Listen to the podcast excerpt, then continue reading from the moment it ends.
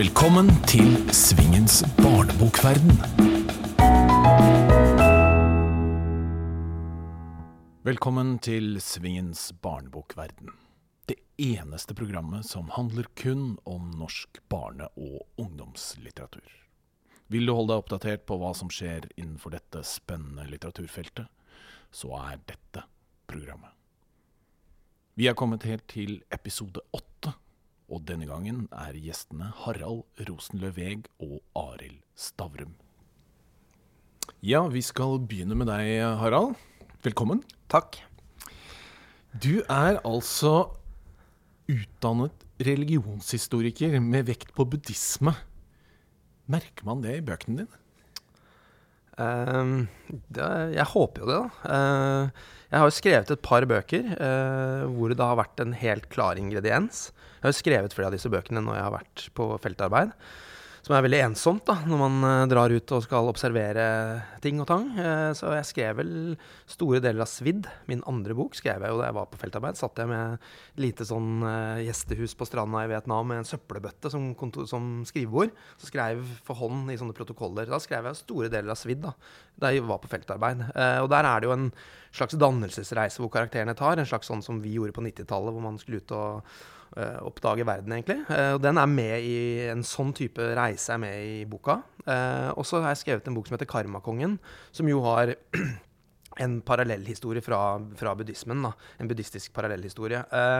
så i de to bøkene så er det helt klart Jeg hater jo å analysere meg sjøl. Jeg hater jo sånn Jeg leser jo aldri særemner eller sånne hovedfagsoppgaver eller noen skriver om meg.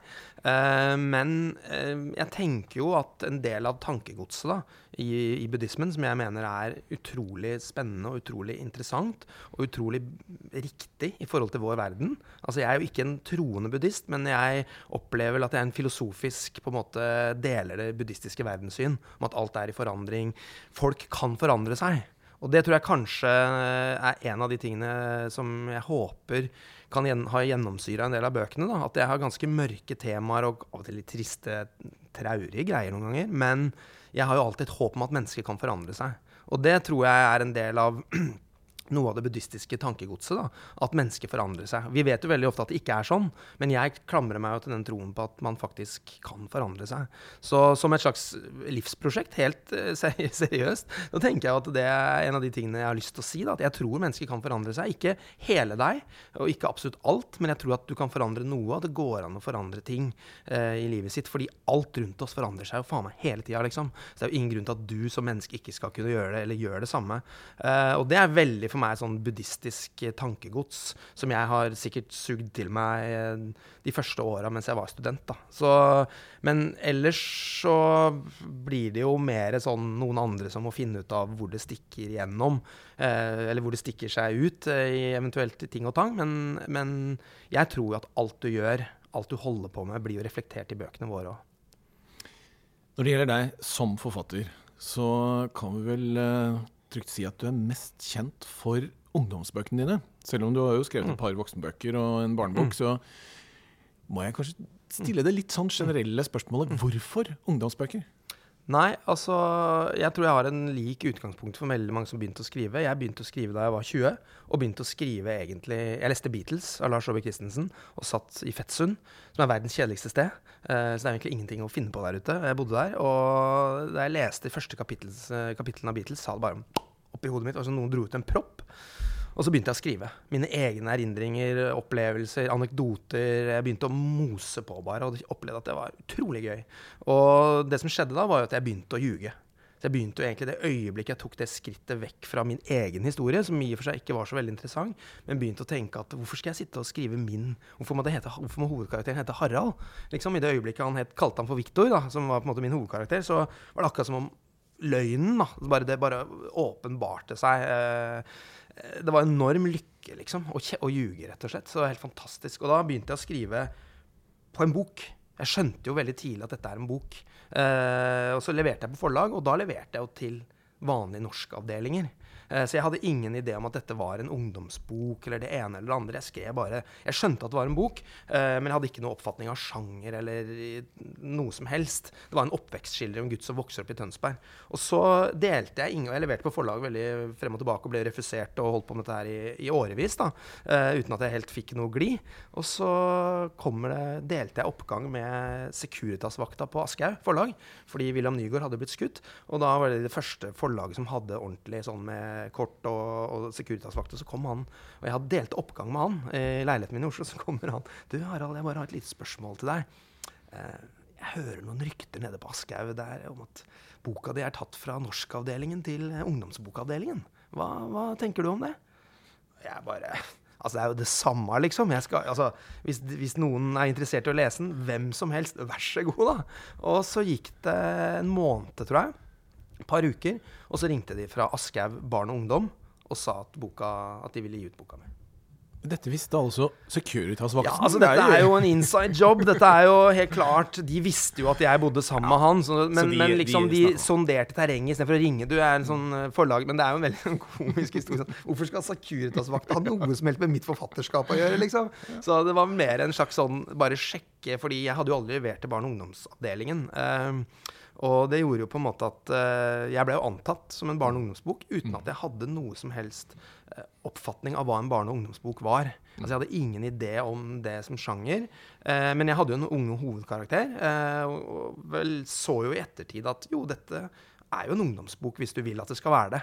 Altså Jf. Saabye Christensen eller de jeg hadde lest i forkant, var jo på en måte bøker som er det en ungdomsbok eller er det en voksenbok. Så jeg hadde null idé om hva det måtte være. Og så får du jo da på en måte din litterære fødsel er jo enormt viktig. Så hun som da antok meg, Iria Torenfeld, som da var redaktør i Barn og Ungdom, som hadde sett det som de andre på norskavdelingen til Aschehoug ikke hadde sett, da, et eller annet potensial i meg.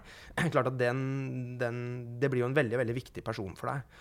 Så etter et par bøker Jeg husker jeg var på Hagefesten og hadde liksom fått gitt ut min første bok og var debutant og hele skitten. Og da kommer liksom William bort til meg sånn Ja, William Nygaard, da, som uh, da var uh, forlagssjef på Aske, Ja, men liksom, hvordan går det her, liksom? Skriver du noe mer? Jeg var helt sånn Skrive mer? Er du helt ko-ko, liksom? Jeg har akkurat skrevet en helt roman. Jeg har jo holdt på med dette her i fem år, liksom. Uh, og da jeg liksom, hva, måtte jeg begynne å skrive igjen, og så kjente jeg jo at når jeg skrev, så skrev jeg om unge folk. Så Mine hovedkarakterer var unge mennesker. Og i det øyeblikket jeg skjønte det, så og jeg var da antatt på en barne- og ungdomsavdeling, så var det på en måte, ble det helt naturlig at da var det ungdomsbøker jeg skrev. Eh, så det er min historie, fødselshistorie, kan du si. Og siden så har det blitt en god del ungdomsbøker? Ja, altså mm. i begynnelsen på 90-tallet, sånn da jeg debuterte i 1995, var jo en fantastisk tid, prøver jeg å liksom, si, egentlig, for, for uh, norsk litteratur, egentlig. Du hadde Jostein Gaarder, Klaus Hagerup og Erlend Loe. Det var utrolig mange kule forfattere som skrev i grenseland mellom barn og ungdom. Du følte jo egentlig at når du kom ut, alt var lov, alt kunne gjøres. Jeg vet jo at det ikke var sånn, men kanskje det var jeg som hadde fått vinger på en eller annen måte. Men det gjorde at, eh, at eh, det å skrive ungdomslitteratur føltes eh, ikke så målgruppestyrt som det det kanskje er nå. Jeg følte at man skrev akkurat hva man ville, og så ble det på en måte ungdomsbøker. Så etter hvert så omfavna jeg kanskje mer og mer og mer sjangeren. og tenkte, ja, men Så begynte du å dra på skolebesøk, og som de fleste ungdom, barne- og ungdomsbokforfattere gjør. Så møtte du lesere hver eneste dag, og så rekker de opp hånda og så spør de ja, hva skjer neste, og skriver du noen ny bok, og så er du liksom i gang i, og så begynner du på en måte får den responsen fra målgruppa. Så, så, kanskje fra liksom min andre, kanskje tredje bok, så omfavna jeg sjangeren i mye større grad og tenkte at ja, jeg er ungdomsbokforfatter. Og det er kult. Det er ikke feil, det er ikke, det er ikke for dårlig. Eller, det er egentlig det jeg gjør, og det er det jeg, det er det jeg vil. Så etter det så jeg, liksom, føler jeg at mitt aller største hjerte som forfatter har jo vært å skrive bøker for ungdom. For jeg vært, føler at vi har vært utrolig i pakt med publikum. Selv om ikke jeg skriver serier, og selv om ikke jeg skriver oppfølgere, så føler jeg at liksom, du skriver den ene dagen, så står du og snakker om den andre dagen, så ser du leseren din i øynene. Liksom. Det, det, er en symbiose hele tida som gjør at du Så pitcher du ideer omtrent når du står og snakker til eleven, og så leser du en tekst som du ikke har gitt ut ennå omtrent. Og så den følelsen var, er veldig sånn Det er dette her jeg driver med. Dette er mitt eh, kall på en måte, da. Men ungdomsbøker, vi kan jo si at ja. de primært selvfølgelig er skrevet for ungdom. Ja. Men hvem er egentlig ungdomsbokleseren? Er det ungdom, eller er det bare visse typer ungdom, eller Det er jo virkelig de årene, og det har det egentlig alltid vært, de årene man leser kanskje aller, aller minst. Mm. Og likevel så skriver vi mange bøker for dem. Det kommer sånn ca. 50 nors norske ungdomsbøker i året. Og det er ganske mange for en eh, målgruppe som egentlig er ganske liten. Nei, altså Mitt svar på det er jo veldig sånn gammeldags. Eh, Jeg skrev for meg sjøl, og så skrev jeg for mine venner. Jeg tror De første bøkene jeg skrev, tenkte jeg veldig mye på mine venner eh, og oppveksten vi akkurat var mer eller mindre ferdige med. Så jeg har tenkt utrolig lite på leseren og på ungdommen og på en måte liksom hvem er disse ungdommene sånn sett. da, At, det er, at, at jeg skal tilfredsstille noe som helst. Så jeg har forholdt meg utrolig naivt til bokbransjen og bokmarkedet, og har egentlig bare tenkt at jeg skriver veldig mye de bøkene jeg har lyst til å skrive.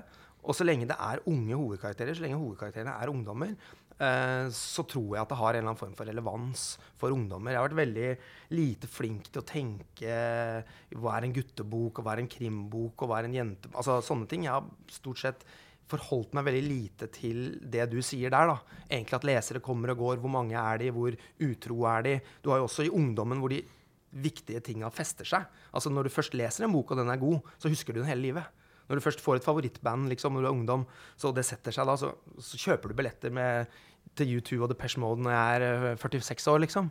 Eh, så det fester seg jo også noe sånn grunnleggende i den tida, da. Eh, som, eh, som jo er en veldig, veldig vakker og fin ting òg. Så jeg har forholdt meg ikke, ikke til, jeg har ikke forholdt meg lite til at noen skal lese det. Men jeg har forholdt meg, forholdt meg ganske lite til spesifikt hvem det er.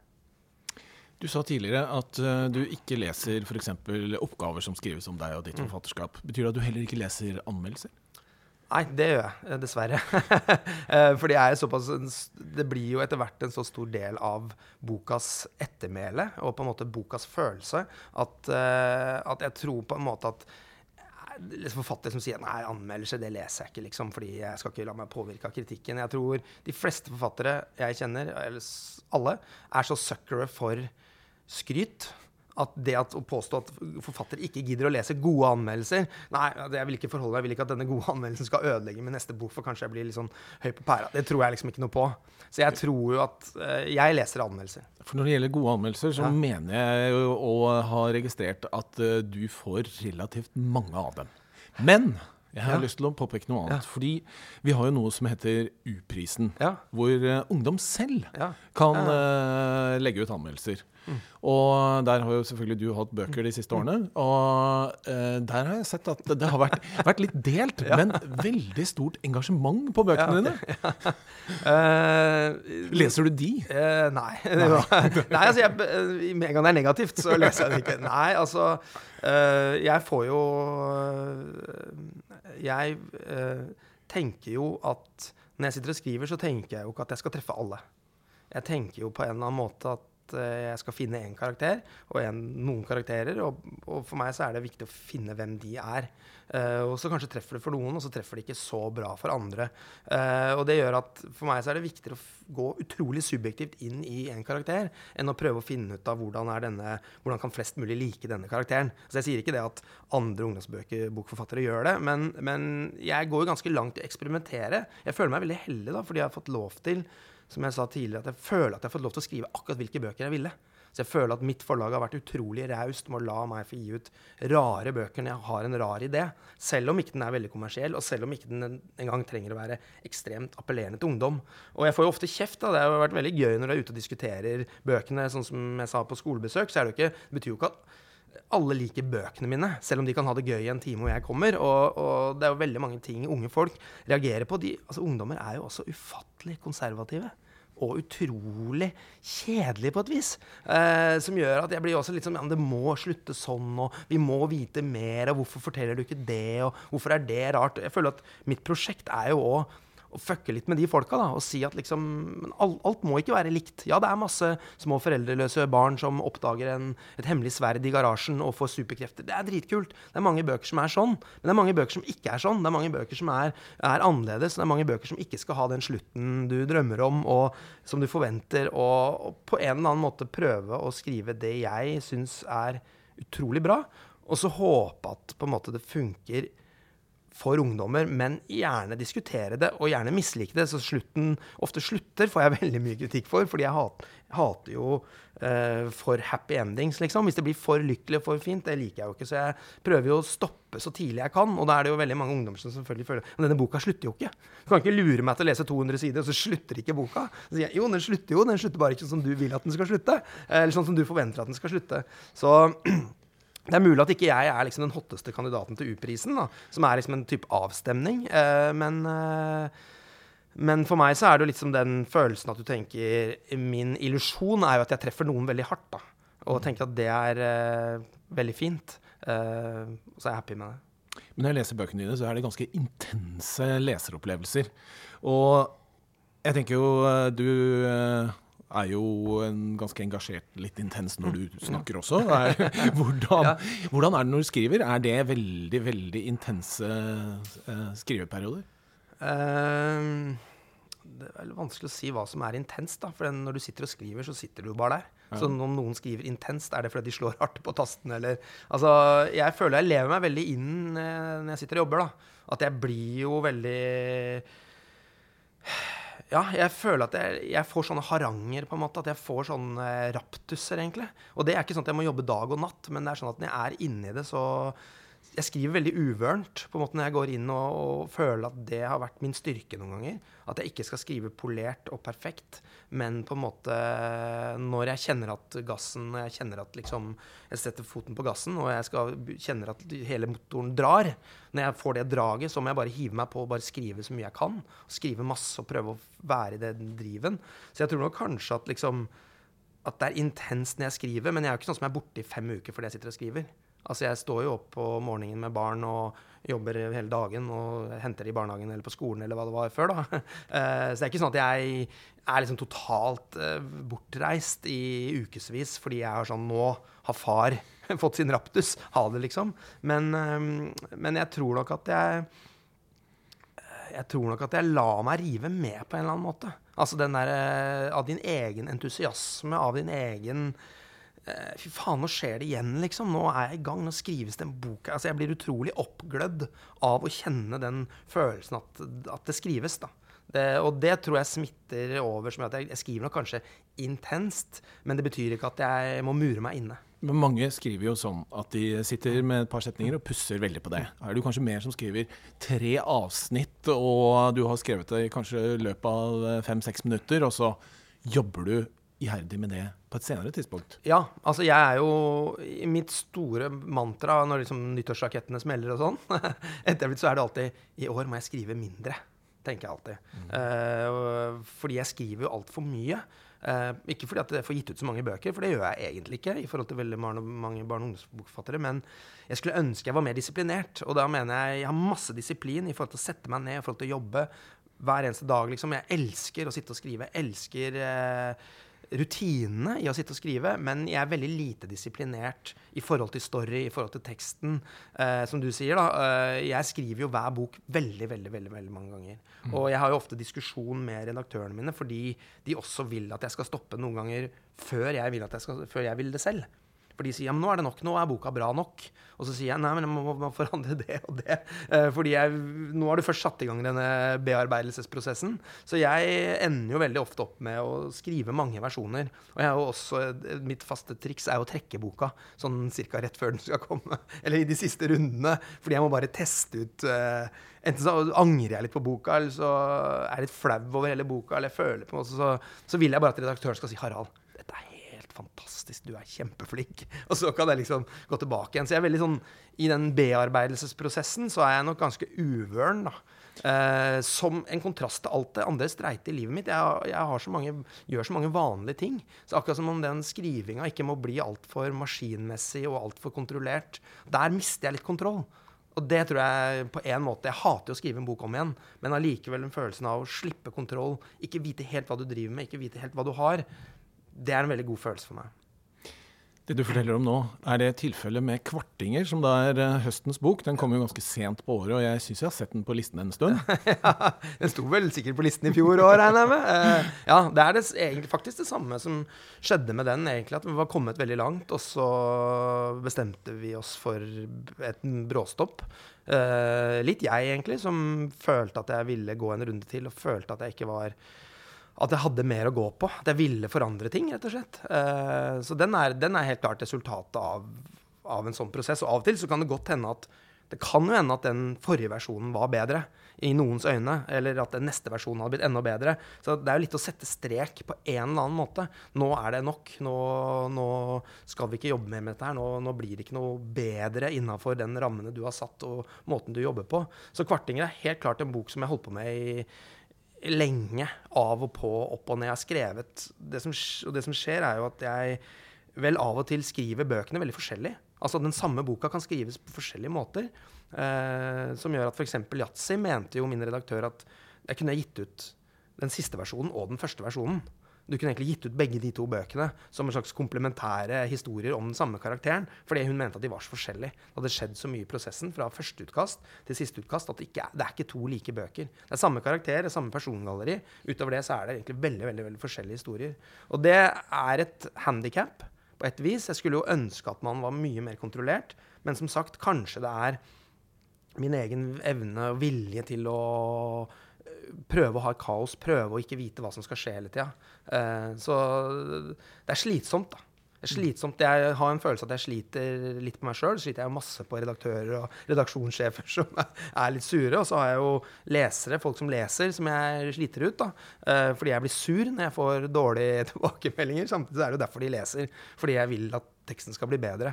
Så akkurat rundt rundt den bearbeidelsesprosessen, da, så, så, er det, det er veldig ukontrollert. Det kan godt hende jeg aldri kommer til å komme med den boka som er klar i januar, og som forlager kan bruke god tid på å selge inn til alle steder. Eh, kanskje ikke det ligger for meg, liksom. Jeg føler jeg alltid, alltid har liksom bok seint. Men nå, denne høsten kommer jo da kvartinger. Ja. To-tre setninger om uh, handlingen. Ja. Uh, det er en Jeg har skrevet sånne science fiction-bøker. Min tredje bok da, uh, i 97 var en sånn science fiction-bok som het Vrengt. Uh, og etter det så har jeg hatt en sånn i tiåret ca. En, en bok som er, skiller seg litt fra de andre i type sjanger eller i, i tone, som egentlig vel handler om et sånt ønske om å ta ut et ekstrakt fra samfunnet. En eller annen idé jeg får, som er et eller annet jeg føler på i tida, omtrent. Eh, og så lager jeg en historie, så begynner jeg å male rundt en eller annen form for historie rundt det. Eh, og 'Kvartinger' er en sånn type science fiction da, eh, som jeg velger å tenke at det er, eh, om en gutt som eh, har, det, har vært, det er veldig mye sykdom, det er veldig masse epidemier, veldig mange folk er syke, og veldig mange er dødd. Eh, og hans store jobb er hver eneste dag å prøve å skaffe medisiner til søsteren sin. Og så Og det må han kjøpe, bytte, stjele. Han er en slags sånn doppusher i forhold til en slags form for hva skal vi si, influensamedisiner, liksom. Og så for å holde samfunnet gående, da, så fins det en, en slags hær av uh, ryddefolk som rydder og spyler og de desinfiserer verden. Sånn som vi kjenner hele byen da, hver eneste natt. Uh, og uh, han er veldig fascinert av disse rødkledde folka som går rundt. Og ingen ser egentlig helt ordentlig hvem de er. Ingen vil forholde seg til dem. Men det er jo de som gjør at Samuel og verden kan leve, egentlig, fordi de gjør den drittjobben som ingen andre mennesker har lyst til å gjøre. Og så er han veldig fascinert av disse her, men han er også veldig redd. alle er veldig redd for dem. Og så er det en dag hvor søsteren hans, en natt, hvor han våkner og hører at disse ryddefolka kommer på natta og spyler veier og opp i oppganger og alt mulig, og så er hun borte.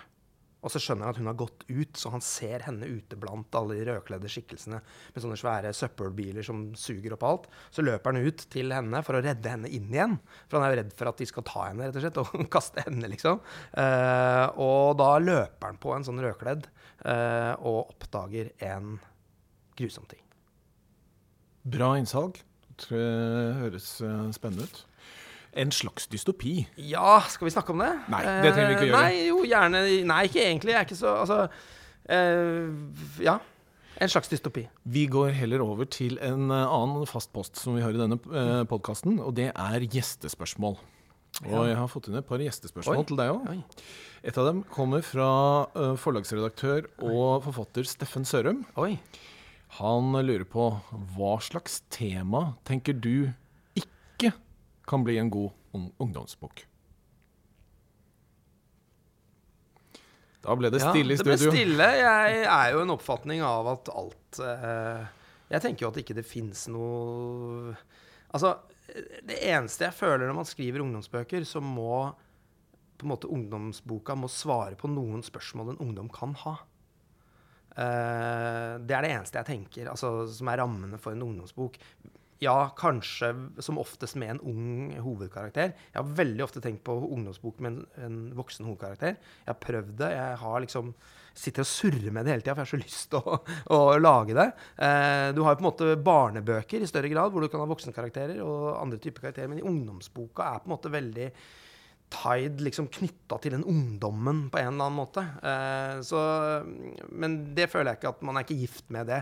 Eh, og du, det fins sikkert eksempler på ungdomsbøker med, med veldig mange veldig voksne hovedkarakterer. Men, men jeg tenker at så lenge temaet, så lenge historien svarer på et spørsmål en ungdom kan ha, om det er om livet eller om kjærlighet eller om vennskap eller om et tema, så tror jeg at et hvilken som helst ting kan skrives om eh, som en ungdomsbok. Det eneste jeg tenker Min forlegger, Iria Ira Torenfeldt, sa jo at forskjellen på barn- og ungdomsbok er at husk at når du skriver for voksne, så må du skrive enkelt. Eh, men det er liksom den ene enden. Den andre enden som jeg føler er litt presserende når du skriver for ungdom, er framdrift. da.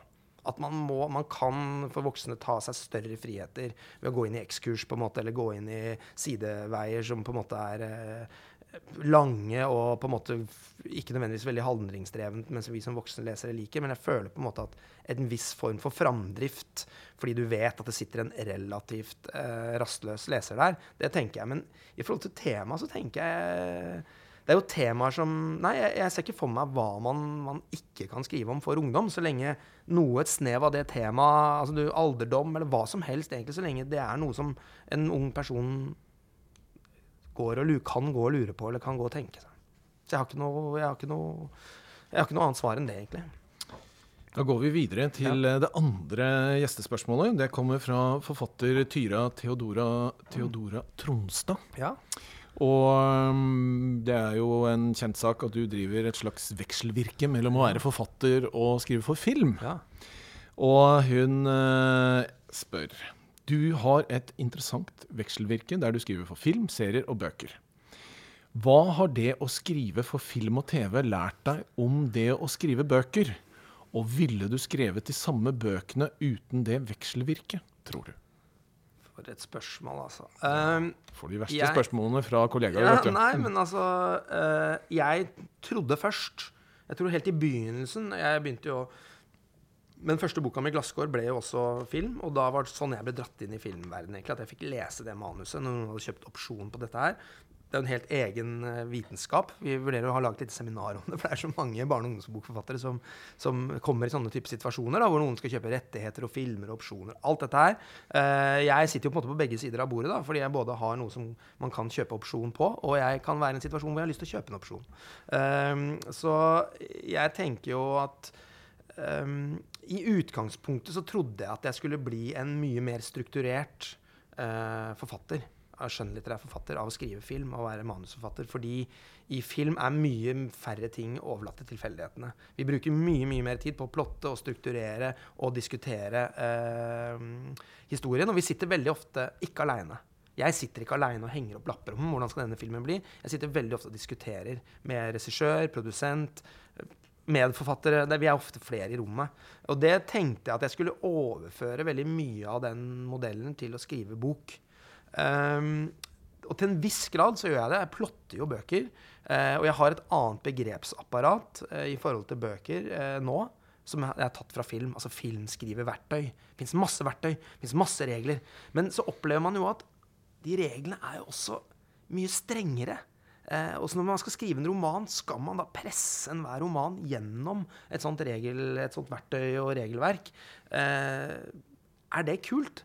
Eh, og jeg satt i en skriveprosess eh, hvor vi holdt på å gjøre om en norsk bok til film. Hvor jeg var da tatt inn som forfatter, og vi satt og diskuterte den boka, som er ganske vanskelig å gjøre om til film. Og så sier en av de involverte på filmsida at herregud, liksom, roman er jo den ultimate kunstform, sier han. Og så tenkte jeg herregud, det er så sant. Altså, romanen, du, du kan, du kan, En roman kan være hva som helst. Du kan putte hva som helst omtrent inn i mellom to permer og skrive roman utapå, så er det en roman.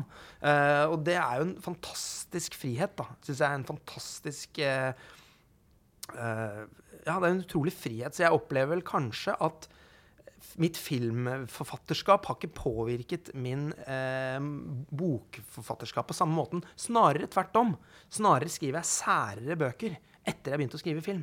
Men For, og, og, det ser jeg på mange andre, og det mener jeg. Liksom, Erlend Lo, Torunn Lia Det er mange forfattere som skriver, har skrevet både film og bøker. Og jeg opplever av og til at, at, også bøkene deres, romanene deres, kan bli litt sånn fristed. De tvinger ikke romanene sine gjennom filmkverna. Men din første roman, 'Glasskår', skrev ja. du jo også filmmanus av, ja. og som ble film. Ja. Er det sånn at du har jobbet med filmmanus av andre av ungdomsromanene dine? som ikke er blitt realisert? Eh, ble jo film. Ja, så den har jeg også gjort det samme på. Og så har det vært eh, diskusjoner rundt eh, andre av mine bøker. da. Eh, men det jeg opplever, jeg opplever, er jo at de vil ha boka og meg. Mm. På en måte, fordi da vet de at de får en manusforfatter som har gjort masse ting på kjøpet. Så av og til så er jeg ikke sikker på om det er meg eller boka mi de vil ha. Men jeg, nå har jeg bestemt meg for at hvis noen vil filmatisere mine bøker, skal ikke jeg skrive manus. Fordi det er en utrolig slitsom prosess å bygge opp en bok, som du vet. Og en film, når man skal adaptere, skal gjøre om en bok til film, så må man ofte kle den av. Så det slitsomme er at du bruker så jævla mye tid på å bygge opp den boka, og når du skal gå inn i filmmanusprosessen, så skal du bryte den ned. Og da er det lettere å gjøre det med andres bøker? For du ja, adopterer liksom, jo ja, men Du blir litt demotivert også av tanken på at liksom, ja, jeg har brukt så mye tid på å bygge den opp, og så filmverktøyet kler ofte av romanen litt. Du slipper unna med så mye. Akkurat som jeg sa, romanen er et fristed. Du kan gjøre så mange ting som ikke passer helt den der filmkverna. Som, det er så mye tanker oppi hodet på karakteren som, ikke, som virker som er så lett å filme, så er det jo ikke så lett å få det til. Uh, og på en eller annen måte så tenker jeg at, uh, at, at, det er deilig å kjenne på at det er to forskjellige eh, ting. At jeg har to helt forskjellige rom. på en måte, At når du jobber med film, så er det film. Og når jeg går inn med å skrive en roman, så føler jeg meg mye friere. Eh, og, jeg føler meg, og, og, det har jeg lyst til å bevare. da. Ja, en ting som jeg lurer på når det gjelder uh, dette med at du jobber med filmmanus og jobber med litteratur. Hvordan fordeler du den tida? Har du på en måte en plan? etter så mye skal jeg sette av til å jobbe med filmmanus, så mye skal jeg sette av eh, til eh, å jobbe med bokmanus. Fordi du vil jo, eh, virker det som, veldig gjerne jobbe med begge deler. Um, nei, jeg har ikke noe tids... Jeg har ikke en sånn timeplan at jeg har mandag, tirsdag film, onsdag, torsdag bok, altså fredag hvile. Uh, nei. Uh, jeg har jo Nei, det er ikke noe struktur på tida av hva som skal brukes til hva. Men med film så er det veldig mye jobbing og levering.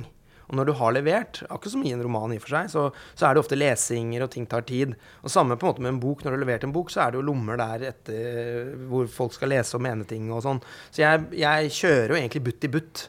Og det går egentlig veldig fint. Det eneste utfordringen er jo uh, når man går inn i veldig store filmprosjekter, så tar det jo ofte veldig, veldig mye tid. Så det er ikke så lett å eh, Hvis man jobber med en TV-serie, f.eks. Altså når vi jobber Julekongen, det er ikke sånn at du kan sitte og skrive en bok annenhver dag når du jobber med Julekongen. For det er så, det er så mye som skal gjøres. Det, så, det, tar så lang tid å sette opp en TV-serie at da, da, forsvinner jo plutselig et år. Hvor du kanskje ikke får skrevet en eneste setning i forhold til en bok. Så ulempen, eller på en måte det som utfordrer balansen, er jo at filmprosjektene kommer og tar deg litt. At du, du, folk ringer og sier ting, eller vi sitter i et rom og finner på en ting. Mens bøkene tenker jeg, de kan jeg alltid skrive. Så av og til så kan jeg føle at jeg skyver Nå føler jeg at jeg har altfor mange ideer, bokideer som jeg ikke får skrevet. Fordi jeg må bruke tid på film på ting jeg har sagt ja til, eller ting jeg har begynt på.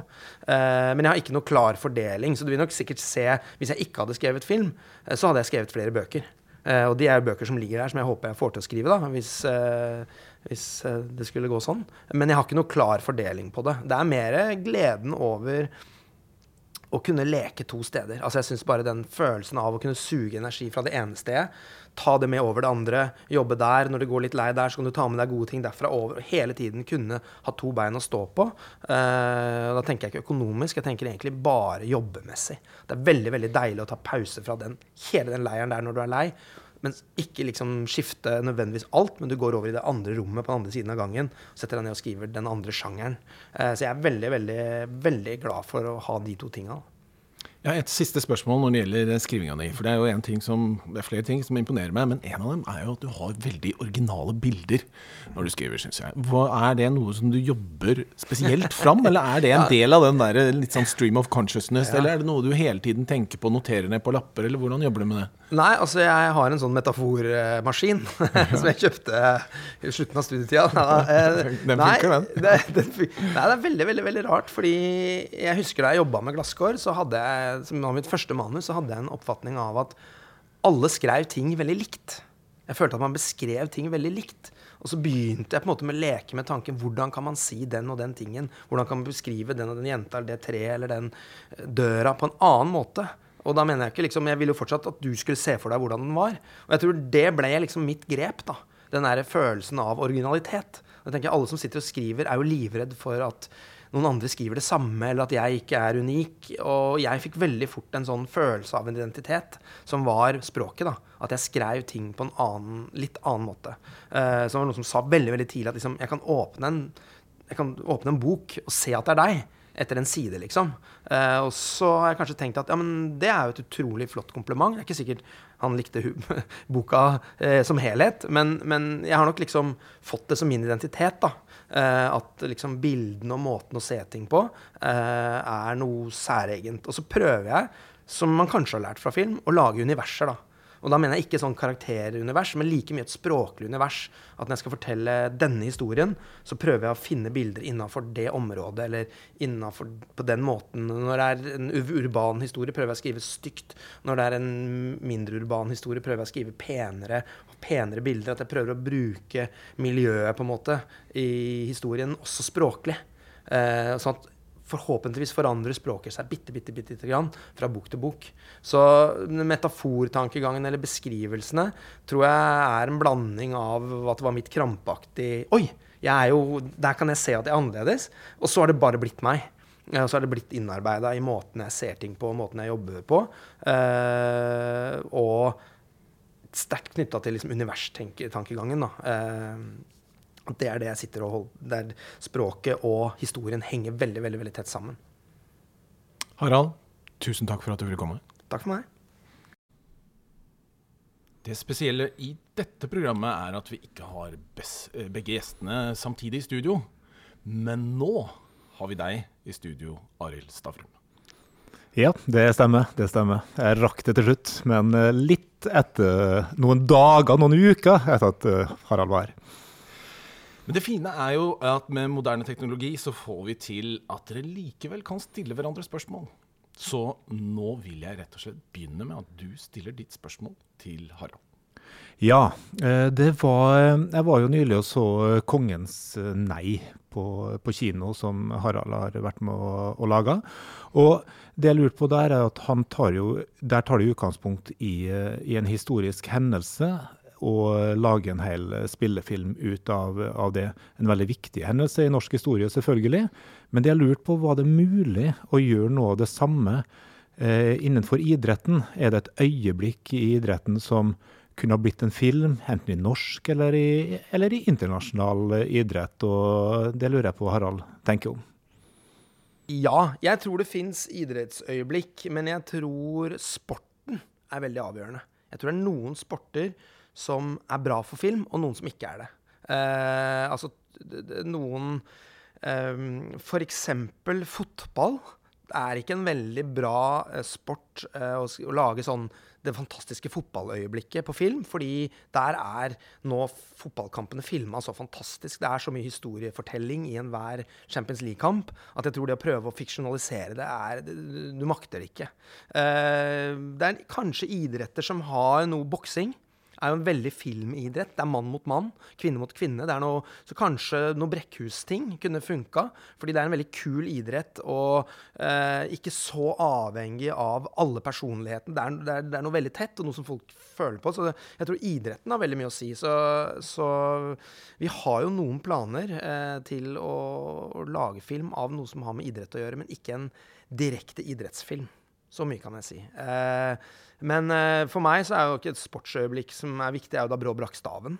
Så klart hvis noen kunne Et av de tingene som jeg husker aller best eh, Så klart at hvis eh, man kunne lagd en sånn type kul, kom, komisk historie om Sverige mot Norge eller Norge mot Russland eh, Jeg gleder meg jo til Borg versus McEnroe-filmen, som nå holder på å lages. Tenker Det er tennis. Fantastisk, tror jeg. Veldig troa på. Nettopp fordi det er mann mot mann, fortetta setting. Du kan fiksjonalisere de to karakterene fordi de er personligheter i seg selv. Så ja tennis, boksing, eh, da Brå brakk staven. Og så tar vi spørsmålet fra Harald til deg. Eh, jeg vil stille et lite spørsmål til Arild som handler om ikke uventa nok bakgrunnen hans. Eh, men det jeg lurer på Jeg er jo veldig glad i folk som, som kan ting, som er veldig flinke til ting. Og det fascinerende er jo at Arild jo har hatt et slags yrke først, som han på en måte har tatt med seg over i skrivinga. Og det jeg vil spørre deg om, da, Arild, er um, i hvor stor grad, hvor viktig var det for deg i det å bli forfatter, det at du kunne en ting? Det at du hadde et miljø, det at du hadde en, en kunnskap om et yrke og et miljø, uh, at du kunne, hadde det så godt for at du skulle bli forfatter? Ja, altså et miljø er alltid viktig i, i bøker.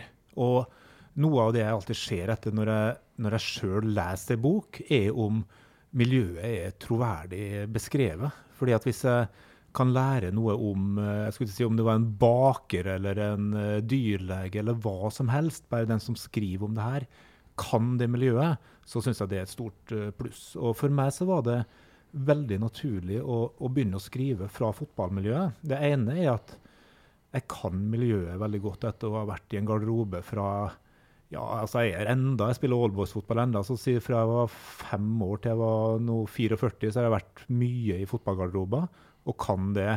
Men det andre er at jeg måtte slutte med det som var profesjonell idrett da, pga. En, av en skade.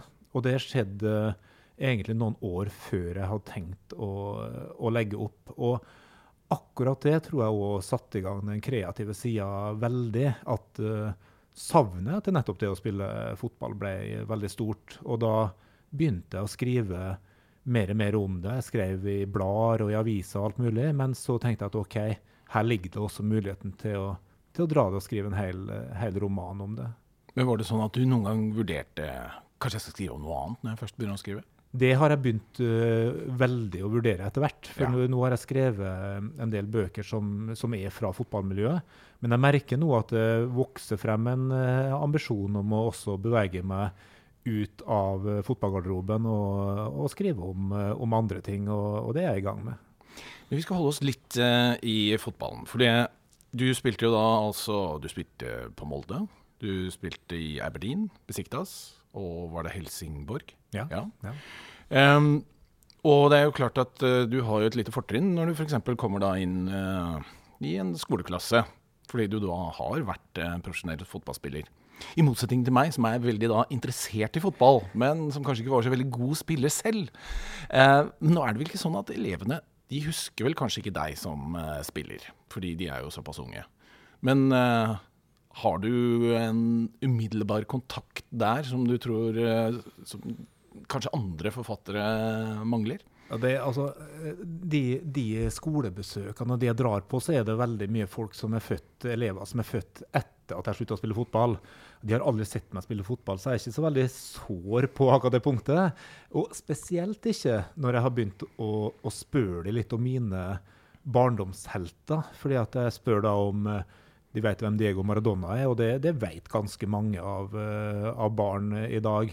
Men hvis du begynner da å spørre om Preben Elkjær og Zico og Platini og mange som, som, jeg holder som mine store store barndomshelter, så har de veldig ofte ikke hørt om de. Så da forventer jeg ikke at de hadde hørt om min fotballkarriere. Så det går helt, uh, helt fint. Men det andre da er at de barnebøkene mine der er såpass knytta opp mot fotball at jeg, jeg, har med meg en fotball inn i klasserommet. Og vise den sammenhengen med å, å, spille fotball og lese, og gå fra det ene til det andre, at det kan være, være sunt for en elev som sitter på skolebenken hele dagen og kanskje spiller litt fotball. Og det kan definitivt være sunt for en fotballspiller å sette seg ned og lese litt også. Ja, for Det er jo ikke noe tvil om at fotballinteressen er veldig stor når du kommer rundt på skoleklasser. Det er jo sånn at Selv om jeg ikke skriver om fotball, så får jeg jo likevel fotballspørsmål. Jeg får jo eh, spørsmål om hva er favorittklubben din, eh, f.eks. Eller om jeg spilte fotball, og osv. Jeg har jo et stort problem, har jeg funnet ut når jeg kommer rundt. Fordi jeg da har et favorittlag som ingen, og jeg mener ingen barn, lenger holder med. Ok, ok. Og Da kan du vel gjette hvilket engelsk lag det er? Ja, da er du, du er litt sånn gammelt suksesslag i England, så du er borti noe type Stoke eller Leeds eller Det er Leeds, Det er Leeds, ja. ja. Det er Leeds. Men det er noen av fedrene deres som uh, holder med Leeds, da. Det er det. Så, uh, men jeg merker at i det øyeblikket jeg kan snakke litt om fotball, så er det mye lettere for meg å uh, få med guttene, selv om vi da bruker bare to-tre minutter på det. Og vi ikke skal prate noe mer om fotball i det hele tatt, for jeg har jo ikke med meg noen bøker som handler om fotball. Men uh, du har jo da en hel time hvor dere bare snakker om fotball. Ja, men jeg tenker at fotball er veldig undervurdert på en del områder. Altså, fordi at, at du kommer i kontakt med de på at du holder med Leeds, et lag de egentlig ikke har noe forhold til. Men kanskje så lærer de gjennom fotball litt om uh, geografi. At de finner ut at Leeds er en by i England. At de finner ut at det er uh, altså masse spanske byer som vi vet hvor ligger. og masse type, altså Man lærer veldig mye geografi av fotball, men man kan også putte inn en del historie. Man kan putte inn en del religion. Bare se på uh, Barcelonas i fotballdrakt, så kan du mener holde som lærer holde en hel time om veldig mange tema. Så det å bruke fotball det få elever interessert i, det er veldig lurt, selv om de de trenger ikke engang å være så veldig interessert i fotball, men de skjønner at det er en del sammenhenger der som er, som er interessant. Men det hjelper jo selvfølgelig òg med de som ikke er veldig glad i bøker i utgangspunktet, å kaste en fotball til de og begynne å snakke på den måten. Det, det fungerer, det, altså. Men det fungerer veldig godt i klassesammenheng. Men har du noen forklaring på hvorfor det er så få som er interessert i fotball i våre kulturkretser? I bokkretser så er det jo uh, veldig få, i hvert fall som jeg kjenner, som er genuint fotballinteresserte. Altså, jeg har uh, erfaringer med litt med begge deler, og jeg tror kanskje at en del av de er litt sånn skapinteresserte. At de holder det litt uh, skjult. Eh, fordi at jeg har også møtt uh, forfattere som er, som er ekstremt uh, interesserte i, i, fotball. Så det, det, er nok litt på begge sider. Og jeg syns det er veldig rart hvis du er forfatter og ikke er interessert i sport pga. det dramaet, den nerven som ligger der. At OK, kanskje du ikke er så analytisk uh, syns det er så fint med 4-4-2 og 4-3-3 eller hva som helst sånn, men akkurat det med den nerven og det motsetningsforholdene og det fiendskapet som kan ligge der, og alle de kjærlighetshistoriene fra publikum, og alt sånt, så er det veldig masse stoff som jeg tror de fleste forfattere i hvert fall i bunn og grunn kjenner seg litt igjen i, hvis de tenker etter. Vi var på en uh, litteraturfestival uh, samtidig, jeg lurer på om det var i Skien. Da istedenfor å henge med de andre forfatterne, så gikk du og så Champions League på en pub. ja, du kom etter ja, ja, du kom etter hvert. Men det var ikke så veldig aktuelt blant de andre forfatterne å dra ned dit, altså. Nei, det er sant. det er sant. Vi, vi var de eneste da. Men det var vel uh, Og akkurat det skjønner jeg litt òg. Jeg kan skjønne den derre ikke det å sitte seg ned og se enhver kamp og ikke være med på det, men selve ånda i idrett, altså det med konkurransen og den biten der, syns jeg de fleste bør være litt interessert i. Og så tror jeg at jeg kunne ha dratt med enhver uinteressert person som ikke likte fotball i det hele tatt, på fotballkamp i Tyrkia, og så ville jeg tenkt at det her var interessant, uansett om uh, hva som skjedde ute på banen eller ikke. Vi skal snakke litt om uh, bøkene. Altså, det er jo uh, Maradonas magi, Maradonas moral og Maradonas mål. De er nå samlet i én uh, samleutgave. ikke sant? Mm. Og du sa jo at en del av ungene kjenner jo til Maradona. Han er jo tross alt en legende, det er jo ikke så rart. Ja. Men vurderte du noen gang å måtte putte Ronaldo Messi, altså noen av de store spillerne i dag, i, i tittelen? Nei, altså jeg tenkte veldig på å ta utgangspunkt i noe som skjedde i min egen uh, barndom, og det var åssen jeg sjøl Eh, ble veldig glad i, i, fotball. Og det ligger i at Maradona slår igjennom og er verdens beste fotballspiller fra jeg er 10 til jeg er 14 år. Og det er den perioden da man egentlig blir mest glad i noe, mest glad i fotball. Det er klart, Da leser du alt som er, du ser alt, du er glødende opptatt. Jeg så jo veldig mye mer intens på et VM i 1982 og 86 enn jeg gjør i 2016, eller 2014 som det var. Uh, det, det, det, er noe med at i den alderen her så bare sluker du det helt. da. Og den følelsen hadde jeg lyst å gi mine lesere. Og da ville det blitt litt kunstig for min del å tatt Ronaldo, som jeg ikke har det forholdet til, eller Messi, som jeg syns er fantastisk å se på. Men jeg har ikke det samme forholdet til han som jeg hadde til Maradona. Og det har ikke noe med hvem som er best eller ikke, men det har noe med hva du virkelig brant for og så uh, da jeg var liten. Og, og et av mine sterkeste uh, barne- og ungdomsminner er når jeg er 14 år og ser de kampene fra Mexico-VM der Maradona herjer, og hele, hele, nabolaget møttes ut og spilte fotball mellom kampene. For det her skjedde på kvelden, og da var vi en gjeng som alltid møttes og spilte og prøvde å spille fotball uh, som Maradona. Og den følelsen satt så sterkt i meg når jeg begynte å skrive, jeg huska det her så godt, jeg begynte å se de gamle kampene om igjen, at det, det ga noen sånne ekte følelser, og det ga noe ekte hat rett og slett mot motstanderne som sparka ned Maradona. At jeg fikk lyst til å bruke de i skurkeroller, bruke Maradona i helterolle. Og da, da, hadde jeg den energien der til å skrive som, som jeg som sagt ikke får av Ronaldo mot uh, John Terry eller et eller annet sånt. Men den barndomsrelevansen, er det også grunnen til at du har lagt det til Klausenengen? Som vel var ditt barndomslag? Ja, det. Det, jeg dro det jo til, til toppen av nostalgi for meg sjøl.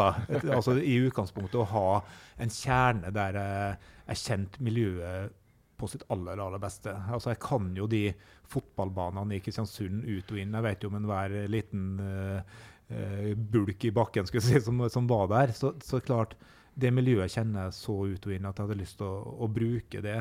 Og så er det noe med Kristiansund. Jeg har skrevet bok fra Molde, jeg har skrevet bok fra Oslo og steder som jeg har bodd og kjenner til. men det er noe med Kristiansund som jeg hadde lyst til å Og jeg syns det fortjener også å ha en, en, bok fra den byen. Og disse bøkene blir lest av alle ungene som spiller på Klausenengen, selvfølgelig. Det må være pensum der. Det er klart, det.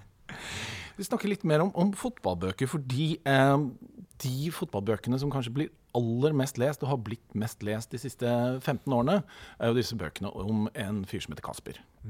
Og jeg traff da forfatteren av disse bøkene en gang. Han heter Jørn Jensen, og han er dansk. Og her tenkte jeg at vi kan jo sette oss ned og snakke litt fotball. Det kommer jo til å bli hyggelig. Men han var altså overhodet ikke interessert i fotball. Han hadde lært seg reglene gjennom at han, sønnen hans hadde spilt. Og så hadde han begynt å skrive fotballbøker. Og dette er jo mye enklere bøker. altså De er jo stort sett for de som er yngre. Og er jo ikke så veldig mye som skjer utover at det er litt kamper og, og sånne ting. Men uh, fotballinteressen har jo vært så sterk at disse bøkene er nok for nedadgående Kasper-bøkene. De er litt gamle nå, men uh, de har vært ekstremt uh, populære. Mm.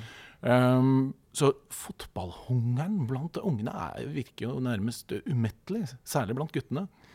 Ja, altså, jeg, og, og, og, det er litt interessant det med Kasper-bøkene. For jeg tror, jeg tror, for det første så tror jeg ikke du trenger å elske et miljø for å skrive om det. Men jeg tror du må ha, jeg, jeg tror du må ha lysten til å sette deg inn i, i et miljø. Jeg diskuterte med en, en skotsk krimforfatter som skrev om om eh, IRA, og han hadde jo ingen formening om de egentlig i hele tatt. Han visste jo så vidt hva det var, men for å komme inn i det miljøet, så måtte han gjøre da en intens uh, research på det. Og jeg tenker det også, altså du, du, kan enten kjenne miljøet fra før, eller du må sette veldig veldig inn i det. Og det tenker jeg at hvis du hadde skrevet, hvis uh, Kasper da, eller mine bøker, eller hvilke som helst bøker om fotball, hvis de ikke tok miljøet på alvor og skildra det godt, så hadde unger ikke lest det. De hadde bare lagt det bort uh, med en gang. Så det, det, må være der, uavhengig av om forfatter har en fortid som fotballspiller eller ikke. Men det mm. må være en, altså, man må sette seg skikkelig inn i mekanismene i det. Og det er fullstendig lov å lære seg offside-reglene og så begynne å skrive om uh, en bok om fotball. Det tenker jeg det, det, det funker, det òg. Men jeg syns det er litt mystisk nærmest at Kasper-bøkene har blitt så populære, for de syns jeg jeg må være ærlig, de syns jeg er kjedelige. Ja, okay. I motsetning til dine. Fordi, eh, og jeg er jo veldig interessert i fotball. Og selv om jeg har skrevet en hørespillserie en gang for NRK som handlet om fotball, så har jeg aldri skrevet en bok om fotball. Og det er en av grunnene, tror jeg, er at jeg syns det det er virkelig en utfordring å lage god litteratur av det. Det har du klart. Men eh, det eh, må jeg si, det har stanset meg, da. Jeg, ja, takk, jeg er veldig takknemlig for å høre det. Og, og, men det er noe som jeg, jeg tok med meg gjennom å skrive de, de bøkene der. Og det, det, det, når jeg sier å ta et miljø, ta ting på alvor, så er det at da jeg skulle skrive om fotballkamper eh, mellom Klausenenga og Nordlandet og de klubbene som jeg skriver om her, så er det liksom det å gjøre finter Jeg måtte fysisk gjøre de på kontoret mitt mens jeg skrev. Altså Jeg var, jeg var ned i, i låra og kjent hvordan musklene funka igjen. Hvordan det var å kjøre en høyre-venstre-finte. Hvordan det var å, å holde, holde, motstanderen i drakta mens du dribla. Altså masse, masse sånne ting som jeg, jeg har i, i blodet mitt, men kanskje blitt så automatisk gjennom spillet at jeg måtte det frem igjen når jeg skrev om det.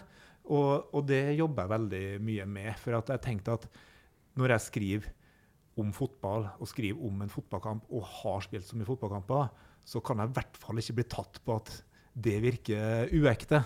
Så, måtte, så målet mitt der var at folk skulle kjenne svettelukta og kjenne hvordan det er å, å spille fotball. Og jeg håper i hvert fall at noen syns det. Hvor stor eh, del av livet ditt består av fotball i dag? Det står, det, det, jeg klarer aldri å slutte med det. Altså Jeg driver som trener, både jeg jobber litt på en skole og har uh, grupper som jeg trener fotball der. Jeg er trener for uh, sønnen min sitt lag, som er niåringer. Jeg spiller all boys-fotball, så det blir en del uh, økter i løpet av ei uke. Og så, og så ser jeg alt av mitt favorittlag, som er Tottenham. Det ser jeg mhm. absolutt alle kamper. Uh, og så ser jeg Champions League.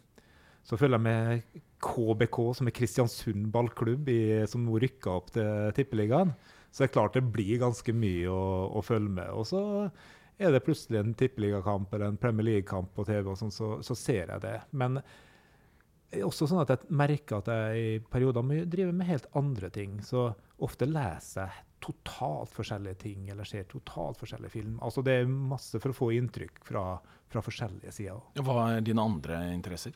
Nei, altså, eller er det noen? Litter litteratur er en stor, stor interesse hos mm. meg. og uh, jeg holder på ei bok jeg leser nå. altså Jeg leser Kjartan Fløgstad akkurat nå.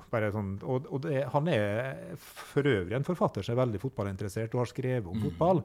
Men uh, den boka som jeg leser nå, som heter 'Grense Jakobselv', den har jo ikke noe med fotball å gjøre. Og er mer en sånn litt tyngre eh, historisk roman som er helt annerledes. Jeg kan elske å lese eh, bøker som er veldig tunge, veldig intense, veldig annerledes, og ikke har noe med sport og idrett å gjøre.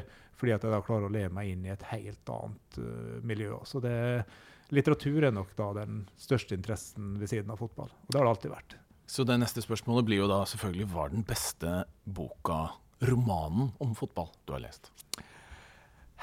Det er, det er så vanskelig, det der. Altså, fordi at jeg skal være helt ærlig, så syns jeg ikke at jeg har lest en roman om fotball som er fullgod. Jeg syns det er mange som har liksom litt i seg som er, som er bra, og sider i seg som er bra, men den derre fullgode fotballromanen som jeg vil stå her og si at den anbefaler jeg fullt, fullt ut, den, eh, den, har jeg ikke lest ennå. Altså. Så her er det muligheter altså, til å rett og slett skrive den? Jeg mener at det er det, og det har jo vært litt min ambisjon om å prøve å få til en ordentlig, ordentlig fotballroman. Eh, andre må bedømme hvor, hvor, mye jeg lykkes med det. Men, men jeg savner litt den helt komplette uh, fotballromanen. Det, det, det, gjør jeg faktisk. Mange trekker fram 'Fever Pitch' eller 'Tribunefeber' av Nick Hornby. Ja, og så, og så tror jeg det er mange av de som har lest det, eller som er litt usikre på om de har lest den eller blander sammen med filmen. Som, altså, for det, det, er ganske fundamentalt forskjellig, det som skjer i boka og filmen. Mm. Og boka har liksom ikke den derre historien Men det er fantastiske stykker i den boka. Men sånn fullgod roman, eh, sånn perfekt roman, det syns jeg heller ikke det er. Det er hardt for meg å sitte her, eller hardt av meg å sitte her og kritisere Nick Hornby, det er ikke det. Men uh, jeg skulle ønske at det var et enda bedre eksempel, faktisk. Nå forvillet vi oss uh, litt over i voksenlitteraturen. Vi skal prøve å dra det tilbake. Vi skal se hva vi har fått inn av gjestespørsmål. Så kult. Og da skal vi faktisk over på et annet tema som har, vi har vært borti i uh, dette programmet, nemlig film. For vi har fått et gjestespørsmål til deg fra redaktør og forfatter Steffen Sørum. Mm.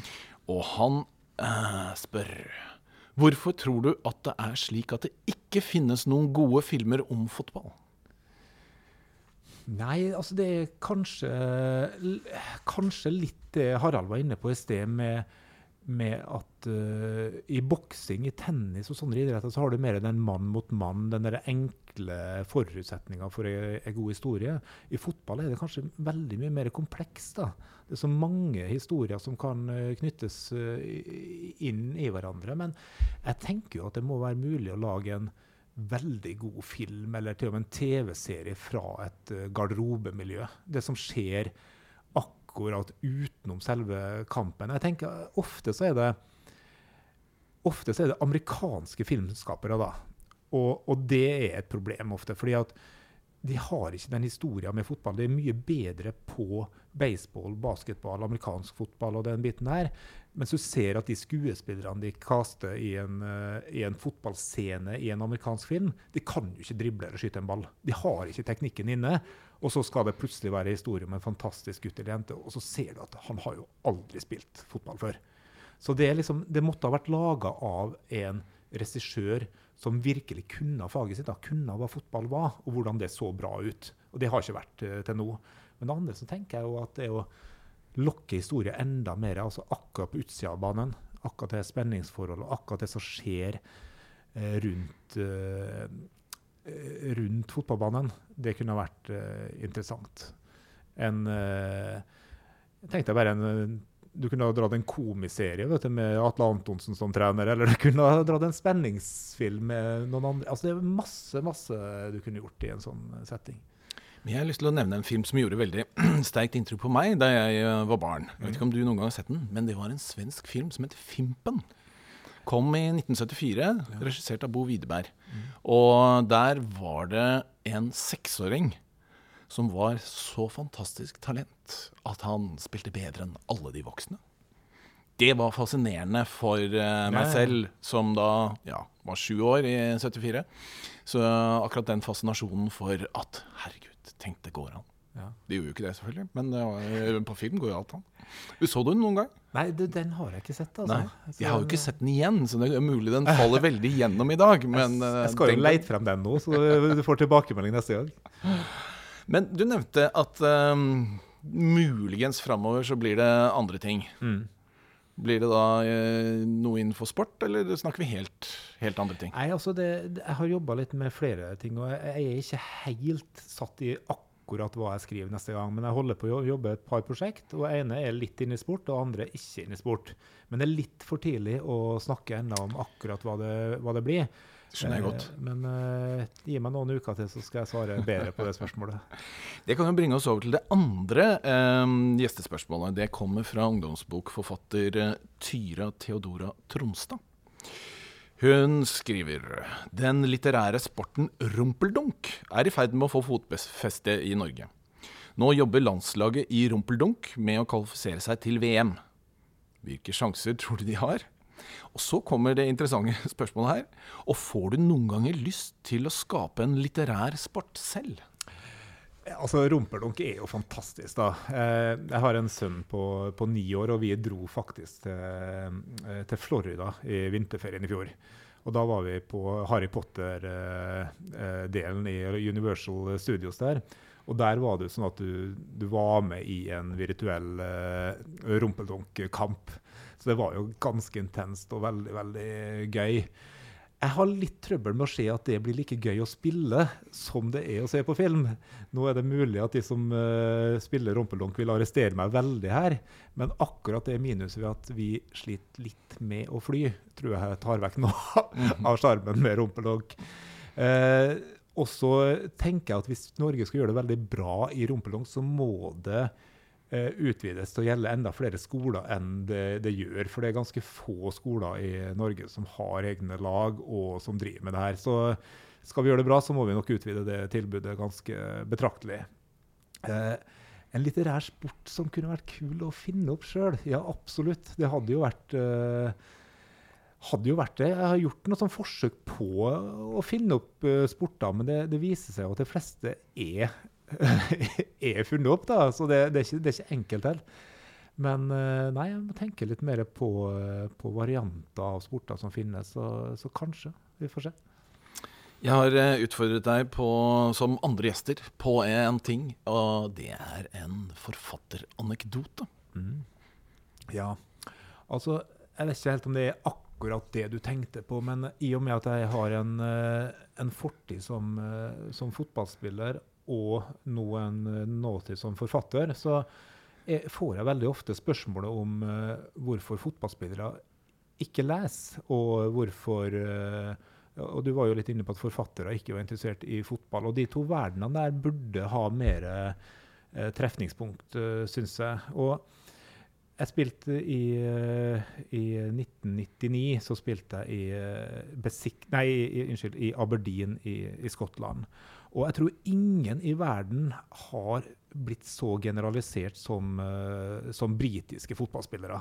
Tror jeg, jeg, tror det er ingen som tror at en britisk fotballspiller noensinne har holdt i ei bok utenom sin egen selvbiografi. Men i den uh, klubben så, så, hadde vi faktisk bokklubb, da. Og det syns jeg var ganske legendarisk. At vi, vi var uh, en fem-seks spillere som anbefalt bøker til hverandre og lot de andre komme med synspunkt på hva de mente om det, da, inn i garderoben. Det som var, For å gjøre det her til et fotballmiljø da, i Storbritannia, så er det klart at det her handla jo om veldig tøffe bøker. da. Det handla jo om krim på det litt uh, røffeste slaget. Og det var alltid pocketbøker, og de ble alltid kasta fra mann til, til, mann. Så de spratt bortover gulvet. Men likevel, altså, det var en finurlig, merkelig bokklubb som jeg mener står litt for det at ja, du kan finne i alle miljøer så kan du finne folk som er også interessert i litteratur, og kanskje omvendt også i, i fotball. Oppdaget du noen uh, gode nye forfattere gjennom uh, på den måten? Ja, altså det var Men det var, igjen var det mer den der hardkokte krimmen. Altså, ja, men Liker du det? Ja, ja definitivt. Mm. Definitivt. Altså noe av de aller beste som da klarer å kombinere det med å være hardkokt røff og den stilen med å ha litteratur. Eh, kvaliteter, litterære kvaliteter, det er jo noe av det tøffeste som kan, kan leses. Men Har du inntrykk av at det er en del fotballag som gjør noe lignende, f.eks. For, for eh, de yngre ja, i Norge? Eh, ja, altså det er jo veldig mange som ønsker å, å fremme litteratur i, i, garderoben. For du er rundt i en del garderober og snakker til spillere. masse. Jeg jobba en del gjennom foreninga Les på, på, det her. Vært rundt i mange fotballklubber og snakka om bøker. Og det viser seg at med en gang du setter, begynner å snakke litt om bøker, setter gjennom bøker, så ryker de ut med en gang. Og folk er interessert uh, i det. Og det er viktig at det blir en sånn grad av uh, frivillighet, men at du bare viser OK, her er bøkene. Den boka der tror jeg passer for uh, dere fotballspillere. Og så terger de litt og får de litt interessert i hva det handler om. så så blir de med på, på det, altså. Men må det da være litt hardkokt eller handle om fotball, eller kan det være andre ting? Jeg tror ikke du skal gå inn i en guttegarderobe og begynne med Pippi Langstrømpe. Men jeg tror du kan selge nesten hva som helst til hvem som helst, bare du forklarer det godt nok og viser hva det, det handler om. Men kanskje ta litt hensyn til den gruppa du skal inn i. Ja. Prøv å velge litt med fornuft. Arild Stavrum, tusen takk for at uh, du uh, kom i studio. Bare hyggelig. Svingens barnebokverden er tilbake om en måned med to nye spennende gjester. Takk til Cappelen Dam for lån av studio. Vi høres. Du har hørt på Svingens barnebokverden med Arne Svingen.